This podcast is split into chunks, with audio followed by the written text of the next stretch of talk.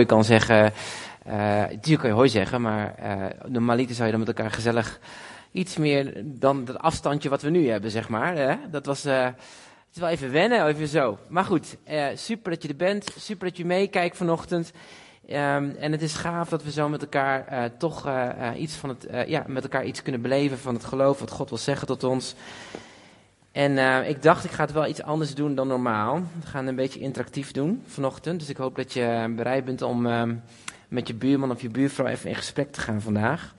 Ik, uh, ik, onlangs hoorde ik een leuk verhaaltje van een klein meisje die um, met haar moeder voor het eerst naar een bruiloft mocht. En uh, ze was uh, zo uh, hoe zeg dat, opgewonden dat ze daar naartoe mocht gaan. Ze mocht eindelijk een bruidspaar zien, had er altijd van gedroomd. Dus het meisje ging met haar, met haar moeder mee naar de kerk. En daar ehm, zag ze de bruidegom en de bruid die naar voren kwamen lopen op het altaar. En ze zegt tegen haar moeder van, mama, waarom draagt de bruid een witte jurk? En uh, die moeder die uh, zegt, ja schat, weet je, het is vandaag de meest gelukkigste dag van de bruid. Daarom draagt ze wit. Ze is zo gelukkig, ze is zo blij. Dat meisje kijkt een beetje vreemd. Ze zegt van, maar mama, waarom draagt dan de bruidegom zwart? Perceptie. We gaan het vandaag hebben over perceptie. Ik vond het wel leuk. Uh, we gaan eerst lezen in Matthäus hoofdstuk 17, vers 1 tot en met 9 gaan we samen een Bijbeltekst lezen. Als je een Bijbel hebt, pak hem er even bij. Als je een telefoon hebt, sla hem even open. Mag ook. Sommige mensen zijn in een digitale versie beland, dus dat mag ook. Matthäus hoofdstuk 17, vers 1 tot en met 8. We gaan lezen. Matthäus hoofdstuk 17, vers 1 tot en met 8.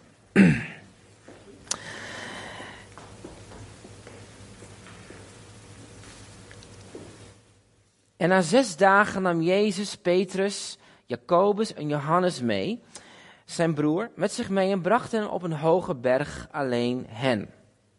En hij werd voor hun ogen van gedaante veranderd. Zijn gezicht straalde als de zon en zijn kleren werden wit als het licht. En zie, aan hen verschenen Mozes en Elia die met hem spraken. En Petrus antwoordde en zeide tegen Jezus, Heere, het is goed dat wij hier zijn. Laten wij, als u het wilt, hier drie tenten maken. Voor u één, voor Mozes één en voor Elia. En terwijl hij nog sprak, zie een lichtende wolk overschaduw hen en zei, en, en, en zie een stem uit de wolk zei, dit is mijn geliefde zoon, in wie ik een welbehagen heb. Luister naar hem. En toen de discipelen dit hoorden, wierpen zij zich met het gezicht ter aarde en ze werden zeer bevreesd. En Jezus kwam bij hen, raakte hen aan en zei, sta op, wees niet bevreesd. En toen zij hun ogen opsloegen, zagen zij niemand dan Jezus alleen. Niemand dan Jezus alleen. Dat is mijn thema voor vanochtend. Niemand dan Jezus alleen. Um, ik heb een vraag voor je. En dan mag je even met elkaar, even, met z'n tweeën even connecten. Uh, en dat is eigenlijk een hele simpele vraag. Als je terugkijkt op de periode van de lockdown. Um, wat heb je ontdekt van jezelf? Wat heb je ontdekt van jezelf in deze periode? Toen je opgesloten zat in je kamertje en je niet naar huis uit mocht. Wat heb je geleerd van jezelf? En misschien nog wel een diepere vraag. Wat heb je ontdekt over God? Nou, neem even kleine drie minuutjes. Gaan we even met elkaar uh, even delen. En dat mag op afstand, dus je mag best even praten in de zaal. Anders is het wel heel erg stil. Het voelt een beetje awkward. Ja, dus uh, zoek iemand op. Deel even met elkaar. Schreeuw maar naar elkaar toe, dat mag. Wat heb je geleerd over jezelf in de lockdown? En wat heb je geleerd van de ander? En als je thuis meekijkt, behandel die vraag maar even met jezelf of met elkaar in het gezin. Wat heb je geleerd over jezelf? En wat heb je geleerd van God?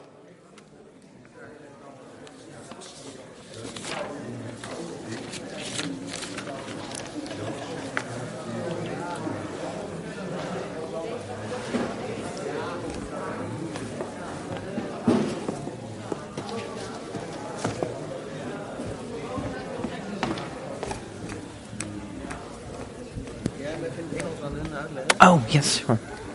Hi. Hello.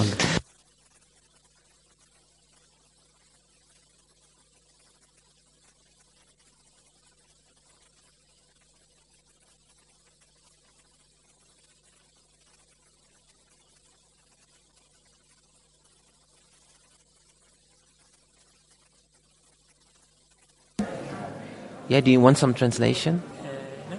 Yeah, yeah? Okay, let me just check.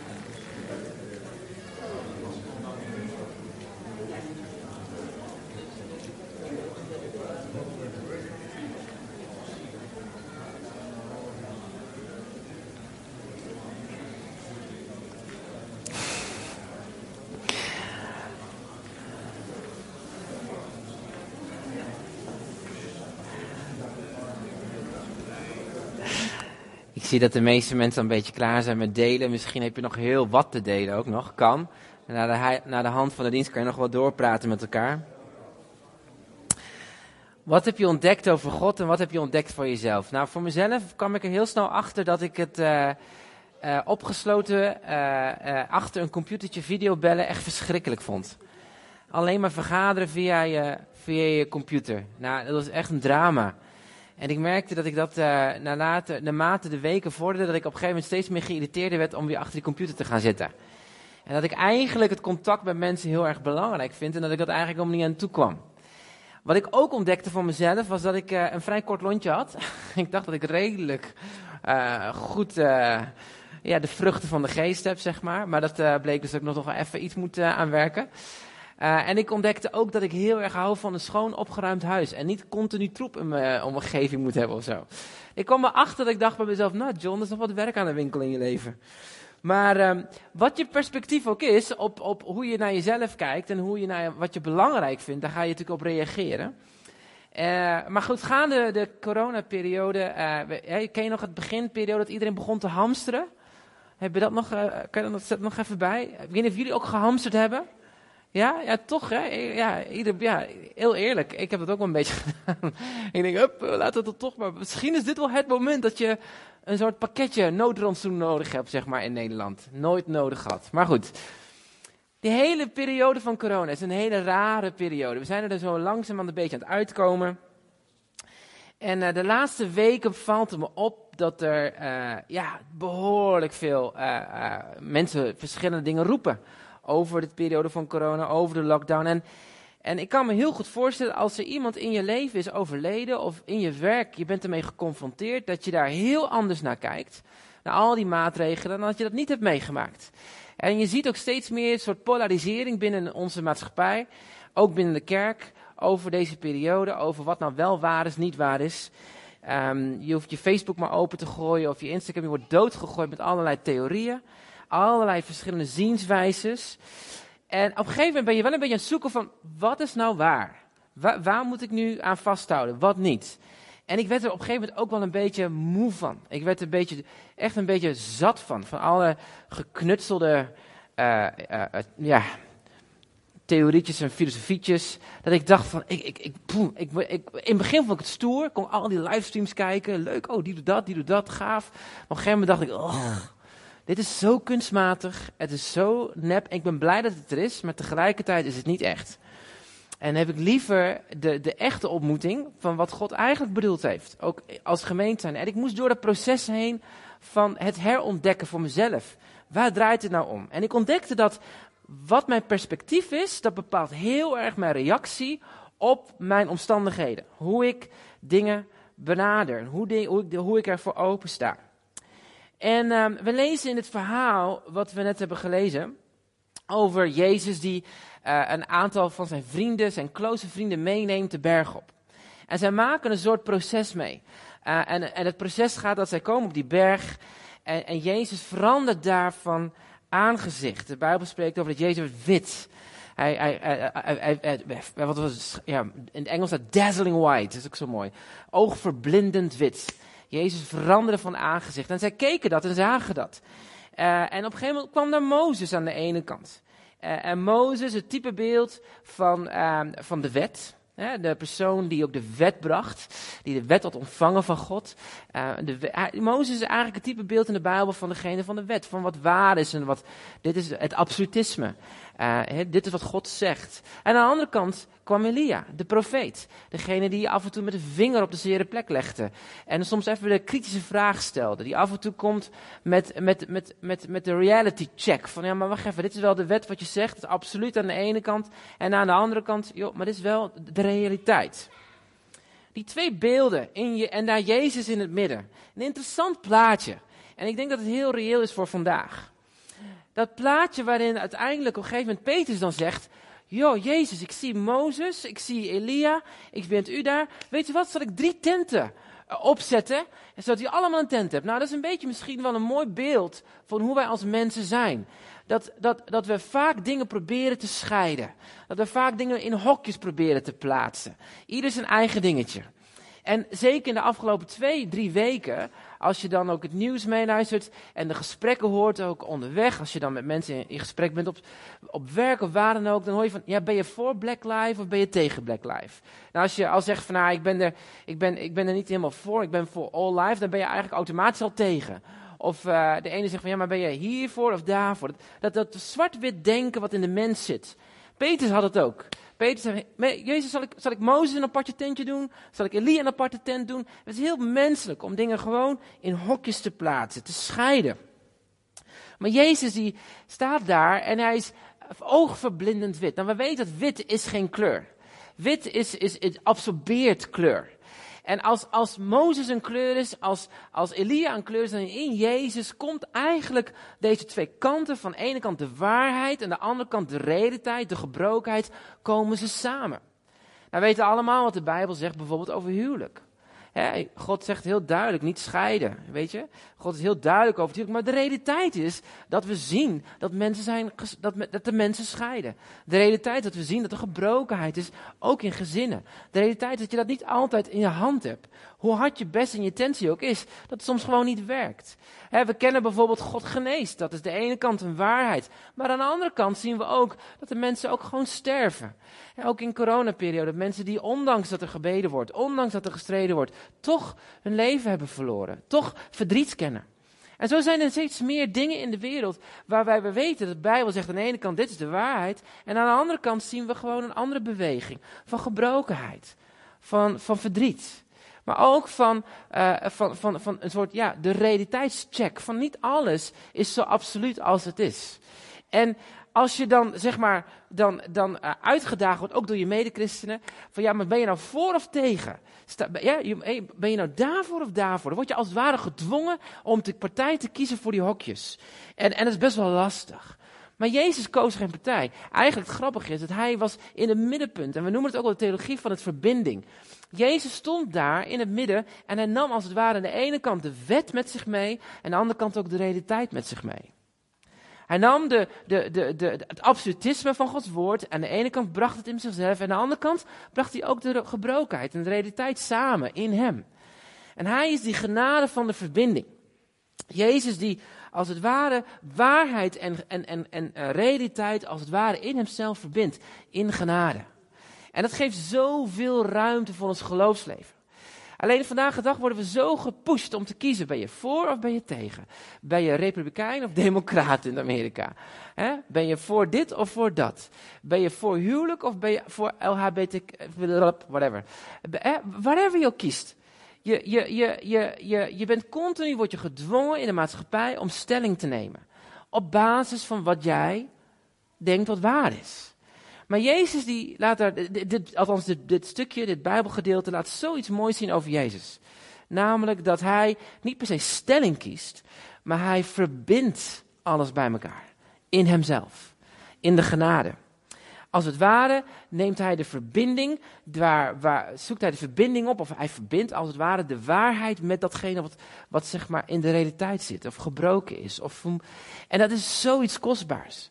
En dat dwingt ons als gelovigen ook om anders te gaan kijken naar hoe wij worden uitgedaagd in deze maatschappij als het gaat om stellingname.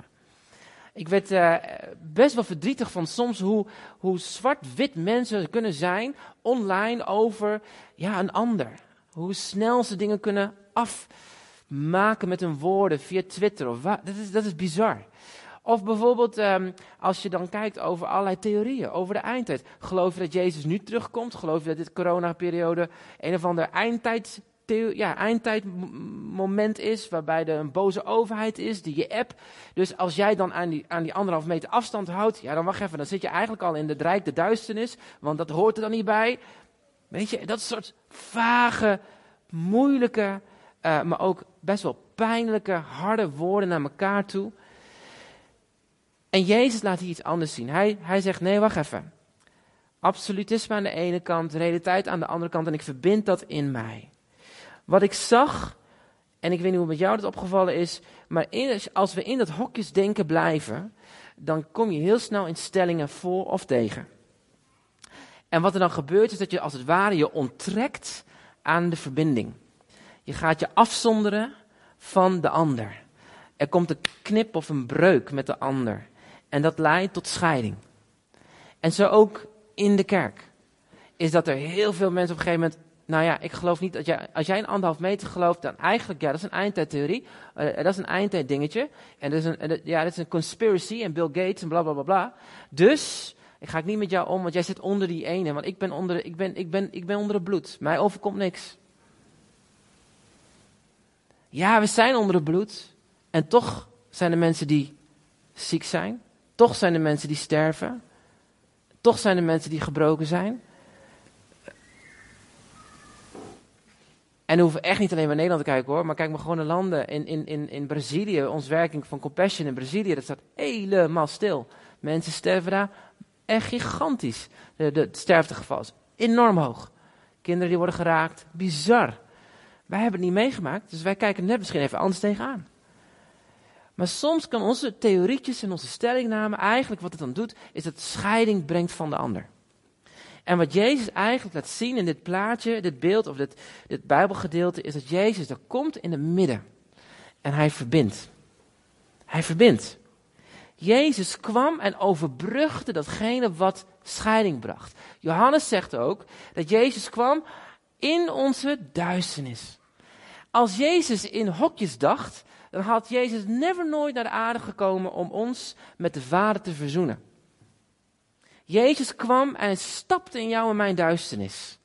Hij doorbrak datgene wat als het ware scheiding bracht tussen licht en duisternis. En hij kwam in ons duisternis om verbinding te leggen, zodat wij verbonden konden worden met de Vader. Jezus en alles wat hij draaide was om verbinding. Als, het, als één ding is wat belangrijk is, het geloof draait om verbinding. Geloof draait om het elkaar vinden, ook al ben je totaal niet met elkaar eens, maar toch in relatie kan staan, omdat er iets dieper in je zit dan jouw persoonlijke overtuiging. Dat is werkelijk geloof.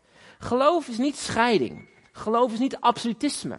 Geloof is niet zoiets van, nou oké, dus daarom, nou ja, ik geloof hierin, dus, en jij gelooft daar niet in, dus nou, boem, uit elkaar. Nee, dat is geen geloof, want als er iets is wat Jezus leert, is dat dwars door die absolutisme heen, dat hij verbinding creëerde, dat hij relatie creëerde, dat hij uh, uh, verzoening creëerde, dat hij dialoog creëerde, dat hij naar mensen toe kwam waar wij, jij en ik, eigenlijk niet eens mee om zouden gaan. In onze kerkgeschiedenis dan zien we eigenlijk altijd dat er al over de jaren heen vaak scheiding getrokken wordt voor dingen die wij lastig vinden als kerk. Omdat we ergens aan de ene kant het absolute hebben en aan de andere kant zien we ook de realiteit. Om een klein voorbeeldje te geven. Jaren geleden, in de jaren tachtig, was het ontzettend lastig. Vond de kerk het lastig om te gaan met vrouwen die een abortus hadden gepleegd. Wat een pijn en een ellende kwam daarvoor uit niet alleen de keuze, maar ook de verwerping die die vrouwen voelden, terwijl ze eigenlijk gewoon geborgenheid en liefde hadden moeten ervaren. Lastig. Was ook moeilijke kwesties, moeilijke vragen. Maar zo vaak, omdat we onze stelling innemen, creëert het afstand. Creëert het. Maar Jezus die leert ons te overbruggen. Hij is die dazzling white, die als het ware die twee kleuren in zichzelf verbindt, in genade. En dan zegt de Bijbel heel duidelijk hoe Jezus kwam in relatie. Hij kwam eerst met genade en dan waarheid. Want waarheid zonder liefde, waarheid zonder genade, is simpelweg een mening. En die mening die is destructief. Maar als je komt met liefde, en met, met ruimte, met compassie, dan komt er verbinding. En dan kan waarheid iets groeien en, iets tot stand brengen. Jezus, alleen, ik vind het zo mooi, dit hele stukje, als we dan verder lezen. Dat, dat terwijl, terwijl Jezus daar, uh, daar in, in dat dazzling white staat en die stem uit de hemel komt. Dit is mijn geliefde zoon. Dit is mijn geliefde zoon, in wie ik een welbagen luister naar hem. Dus als er iets is wat wij als christenen moeten doen, is begrijpen dat Jezus hier een plaatje liet zien aan zijn beste vrienden van, ho, wacht even. Ik wil niet dat je in absolute denkt, in zwart-wit denkt. Ik wil dat je in verbinding denkt. Kijk naar mij, zoals ik ben. Luister naar mijn stem. Ik ben gekomen om het verlorene te zoeken. Ik ben gekomen om het te verbinden, om te herstellen, om in dialoog te gaan. En dan zien we iets zo moois. Dat op een gegeven moment, als dan de discipelen ter aarde vallen van angst, wat daar allemaal gebeurt. Dat Jezus dan naar hen toestapt en zegt, wees niet bevreesd. En één ding wat ze dan zien, is alleen maar Jezus alleen. En weet je wat mij nou zo opviel in de, afgelopen periode van corona met allerlei theorieën, allerlei gedachtegangen, allerlei filmpjes en allerlei predikers die allemaal zo met de ene theorie kwamen van de andere theorie, van de 5G tot de dit, tot de dat, tot de zus. op een gegeven moment dacht ik, heer, ik wil maar één ding zien. En dat is dicht bij u zijn. Ik heb geen antwoord op de toekomst. En ik, en ik zal het ook nooit waarschijnlijk vinden ook. Want uh, er zijn twintig eindtijdtheorieën in de Bijbel. Allemaal Bijbels gestaafd. Het zijn alle zienswijzes. Maar als de één ding wat ik geleerd heb, is dicht bij Jezus zijn. En er staat ook dat Jezus van. En ze zagen niemand dan Jezus alleen. Al het andere werd, werd wazig. Al het andere was niet meer interessant. Hun focus lag op Jezus. Op de verbinding met Hem. In Lucas 15, vers 11 tot 32 zien we het verhaal van de verloren zoon. Weer zo'n typisch verhaal over hokjes denken hokjes plaatsen. Ben jij de verloren zoon of ben je die oudste zoon? Want die oudste zoon die deed het goed. Die was een, bij de vader in huis. Maar de jongste zoon die rende weg in rebellie. Hokjes. Je één of je het ander? Maar het hele verhaal gaat niet over die hokjes. Het hele verhaal gaat niet over kies je voor of kies je tegen. Ben je voor dit of voor dat? Of tegen dat? Nee, het hele verhaal ging over verbinding. Want de Bijbel zegt over dat stukje dat het ging om de vreugde van de Vader. Want op een of andere manier was, ondanks dat de verloren zoon van huis weg was gelopen, hè, wij kennen als de jongste zoon weg was gegaan, was, was de oudste zoon ergens ook verloren. Want hij had iets compleet gemist. Namelijk de vreugde van de Vader. De, het zijn bij God. Het, het, het, het zijn als het ware bij niemand anders dan Jezus alleen. De vreugde van de gemeenschap die je hebt met God. Van de verbinding die je hebt met God. Je relatie met Jezus. Er zit iets simpels, iets eenvoudigs in. Iets moois, iets kwetsbaars en tegelijkertijd heel puur. Dat thuiskomen van die verloren zoon is natuurlijk een heel mooi moment wat in de Bijbel staat over rechtvaardiging en heiliging. Supermooi. Maar wat het meer over sprak, was dat het ook de oudste zoon moest leren thuiskomen. Thuiskomen in de verbinding. En wat daar zo mooi staat in dat hele schriftgedeelte, is dat de vaders armen staan wijd open. Want het ging om de vreugde van de vader. Jezus die in het beeld als het ware staat. Mozes en Elia aan de ene kant. Uh, en Elia aan de andere kant. En als het ware die verbinding, die armen wijd open. Iedereen heeft een plek bij Jezus. Ongeacht je afkomst. Ongeacht hoe je kijkt, hoe je ziet, waar je staat. Want dat is wat Jezus doet. Jezus wil die verbinding leggen. En die uitnodiging is niet alleen maar voor jou, maar ook voor die ander. Die uitnodiging is voor de buurman, voor de buurvrouw. Is voor degene die niet gelooft. Je zoon, je dochter die van de Heer weg is. Of je, zo, je zoon en dochter die wel gelooft. De uitnodiging is om te komen in de vreugde van God. In de vreugde van God. In de vreugde van Hem. In de relatie met Hem. In de verbinding met Hem. En dat geeft ruimte. Dat geeft blijdschap. Weet je wat nou zo mooi is? Op het moment dat je echt werkelijk, hoe zeg je dat? Niet zozeer die, die, die stelling kiest, maar in die verbinding met God blijft kiezen. Dan word je als het ware bij een beetje uitgekotst bij de ene partij, maar ook bij de andere partij. Er was een uh, bekende rapper die tot geloof is gekomen. En uh, hij kreeg zo'n storme kritiek van zijn volgelingen. Van, hoezo, ben jij christen? Jij, je hebt dit gedaan, dat gedaan. Maar aan de andere kant, hij kreeg ook zoveel storme kritiek van, uh, van, van de christenen. Jij bent nu een christen? En hij zei iets heel scherps. Hij zei, hij zei van uiteindelijk gaat het om dat ik dicht bij God blijf. En dat ik een ander uitnodig ook dicht bij God te komen. Ik vond het zo mooi. Maar heel vaak als je kiest, het midden kiest. Het midden kiest van Jezus als het ware. Ja, dan, dan ja, oh je bent, ja, oh, nee, kan niet. Want je bent of voor of tegen. Maar, je, maar, maar, dat is het niet. God daagt uit om als het ware te wandelen in de genade. En dus alle twee te omarmen. Ja, God zegt huwelijk. Maar we zien ook echtscheiding. Ja, God zegt genezing. Maar we zien ook verdrieten. En gebrokenheid en ziekte. Ja, God is voor voorspoed. Maar we zien ook mensen worstelen met financiën. Ja, we zien ook dat mensen, uh, dat God zegt, ik heb nog, ik, ik, ik, uh, ik, mijn wet die, die, die geldt. Dat de rustdag en alle dingen meer. Ja, is allemaal waar. Maar tegelijkertijd zien we ook dat niet iedereen een Sabbat kan vieren vanwege zijn omstandigheden. Dus, dus laten we elkaar niet pushen in een hokje. Maar laten we elkaar verwelkomen in de vreugde van de Vader. Dit is een klein verhaaltje wat ik onlangs tegenkwam, wat het wel heel mooi omschrijft. Het gaat over bewogenheid die in tweede mijl gaat. Ik vond het wel leuk om te lezen en dan sluit ik af. Laten we het hebben over de maatschappij van de tweede mijl. Ik vind het een mooi stukje. Een tweede mijler helpt bij het kinderwerk. 9 van de 10 keer komen naar de kerk en we denken naar de kinderwerk. Nou ja, dat moet iemand anders maar doen.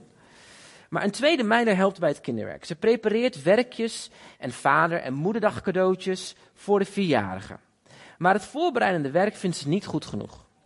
Er moet een tweede mijl accent worden toegevoegd. Toen een kinderclub het thema in de voetsporen van Jezus begon te behandelen, bakte zij voetvormige koekjes met een gelakte nagel op ieders koekje als een tweede mijl toegift. Wat voor mensen doen zoiets, hè? Maar dat zijn tweede mijlers. Tweede mijlers doen zulke dingen. Ze maken badkamers schoon voor een ander. Ze versieren koekjes. Ze creëren speelkamers in huizen voor kinderen. Dit gold in ieder geval voor Bob en Elsie. Bob en Elsie. Ze legden een binnenbadzwembadje aan, kochten een pingpongtafel en een voetbalspel. En ze hebben een waar kinderparadijs tot stand gebracht in hun achtertuin. Ik hoor al zeggen, nou ja, dat doen er zoveel mensen, doen dat ook. Dus waarom is het nou uniek? Nou, misschien moet je dan even onthouden dat deze mensen waren al in de 70. Ze waren ruim de 70 gepasseerd. En ze deden dit omdat ze het hart hadden voor de eenzame kinderen in de buitenwijken van Miami. Bob kon niet zwemmen, by the way. En Elsie speelde ook geen tafeltennis. Maar de kinderen uit de immigrantenwijken en de immigrantengezinnen wel. En dagelijks reed daarom Bob met zijn grote Cadillac door Little Havana om al die tieners in zijn auto uit te nodigen en vervolgens naar huis te brengen voor een gezellige middag. De maatschappij van de tweede mijl, ik zal je vertellen, je kan die leden niet herkennen. Echt niet. Ze dragen niet een kostuumpje, ze hebben geen insignes, geen badges, geen hesjes. Nee, dat zijn gewoon hele eenvoudige mensen. Je kan ze herkennen aan hun glimlach. Ze hebben namelijk het geheim gevonden. De tweede mijl is een vreugde. Ze hebben deze waarheid ontdekt. Want een ieder die zijn eigen leven wil behouden, zal het verliezen. Maar wie zijn leven verliest, om mijn het wil zal behouden worden. Tweede mijlers. Als we echt begrijpen wat Jezus gedaan heeft, dat hij gestapt is vanuit de heerlijkheid in onze duisternis, dan beseffen we dat Jezus een overbrugging deed. Dat hij verbinding gaf, maar dat hij een tweede mijl is gegaan.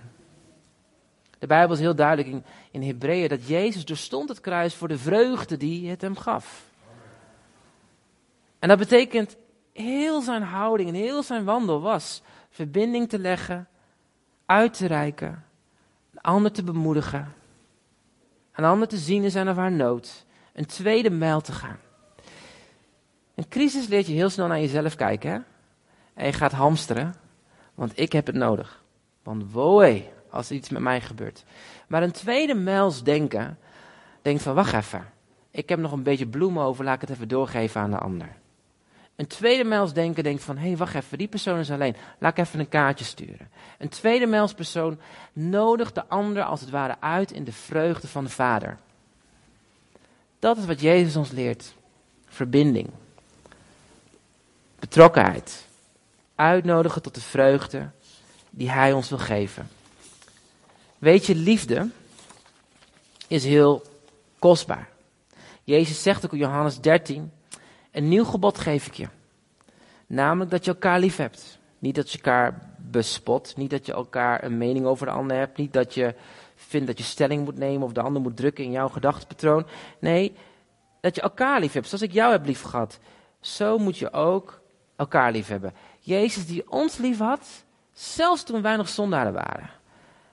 En af en toe nog steeds op ons mond vallen. En nog steeds falikant misgaan. Jezus houdt zoveel van ons dat hij bereid was zijn heerlijkheid af te leggen en te worden als een mens. Te komen naar de aarde die hij geschapen heeft. Te komen met zijn blote voetjes in het zand wat hij had gecreëerd. Te ervaren wat kou was. Hij kende geen kou, hij kende geen verdriet, hij kende geen nood in de hemel. Alles zodat hij kon identificeren met jou. Jezus nam de verbinding. Jezus stapte uit, hij overbrugde de kloof. Hij ging een tweede mijl. En dan zegt hij, zoals ik jou heb lief gehad, heb dan die ander lief. Want hierdoor zullen alle zien dat gij mijn discipelen zijt. Als u liefde hebt onder elkaar. Nou, elkaar liefhebben is meer dan alleen accepteren. Hè? Ja, ik accepteer je dat je anders denkt. Nee, dat is geen liefde. Liefde vraagt die tweede mijl. Liefde is confronterend. Liefde vraagt een stap en een keuze de ander te accepteren, zelfs al is hij compleet anders. En staat hij aan de andere kant van het spectrum en dan nog die verbinding te kunnen gaan slaan. Sommige mensen zeggen van ja, maar John, je moet eens weten. Ik heb alleen maar lopen geven. Mijn tank is leeg. Ik kan niet meer. Ik kan geen tweede mijl meer gaan. Het is confronterend als je dat hebt. Het is confronterend als je ontdekt dat je gewoon te moe bent om nog lief te hebben. Of te overweldigd bent door het leven om nog uit te delen in die tweede mijl. Maar weet je, Jezus zegt dat niet van, ik, ik, ik, uh, nou, zou je het misschien kunnen doen? Zou je misschien een stapje kunnen zetten? Nee, Jezus zegt, een nieuw gebod geef ik je. Een nieuwe opdracht geef ik je. Ga die tweede mijl. Liefde is eenvoudig. Het is kostbaar. Geef ruimte. Liefde is er zijn. Liefde is zien zoals God ziet. Liefde is Jezus. Amen. Zullen we onze ogen sluiten?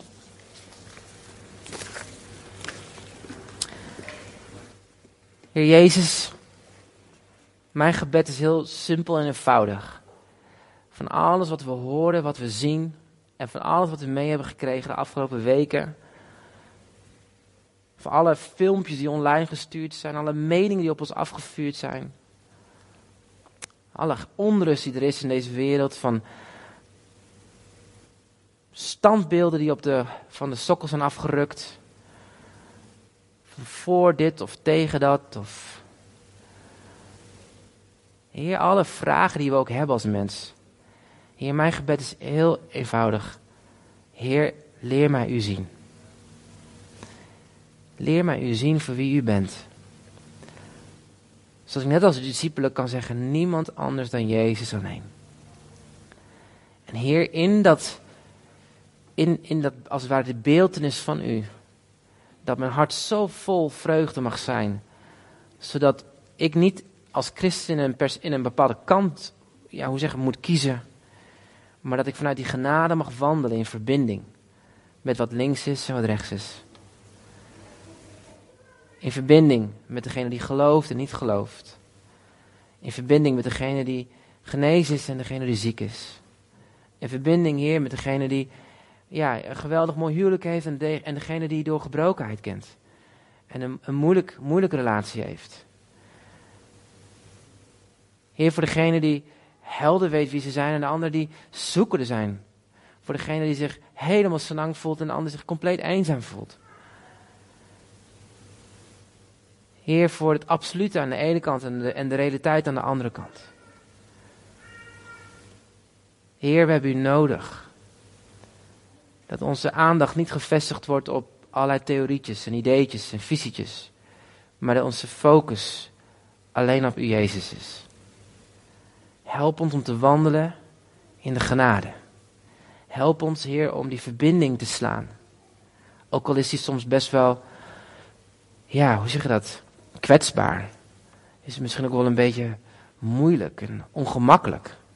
Maar Heer, ik wil, zoals u bent, Heer, niet mijn eigen standpunten verlogenen ten opzichte van de ander, maar ik wil wel die verbinding slaan, zoals u in genade was naar mij.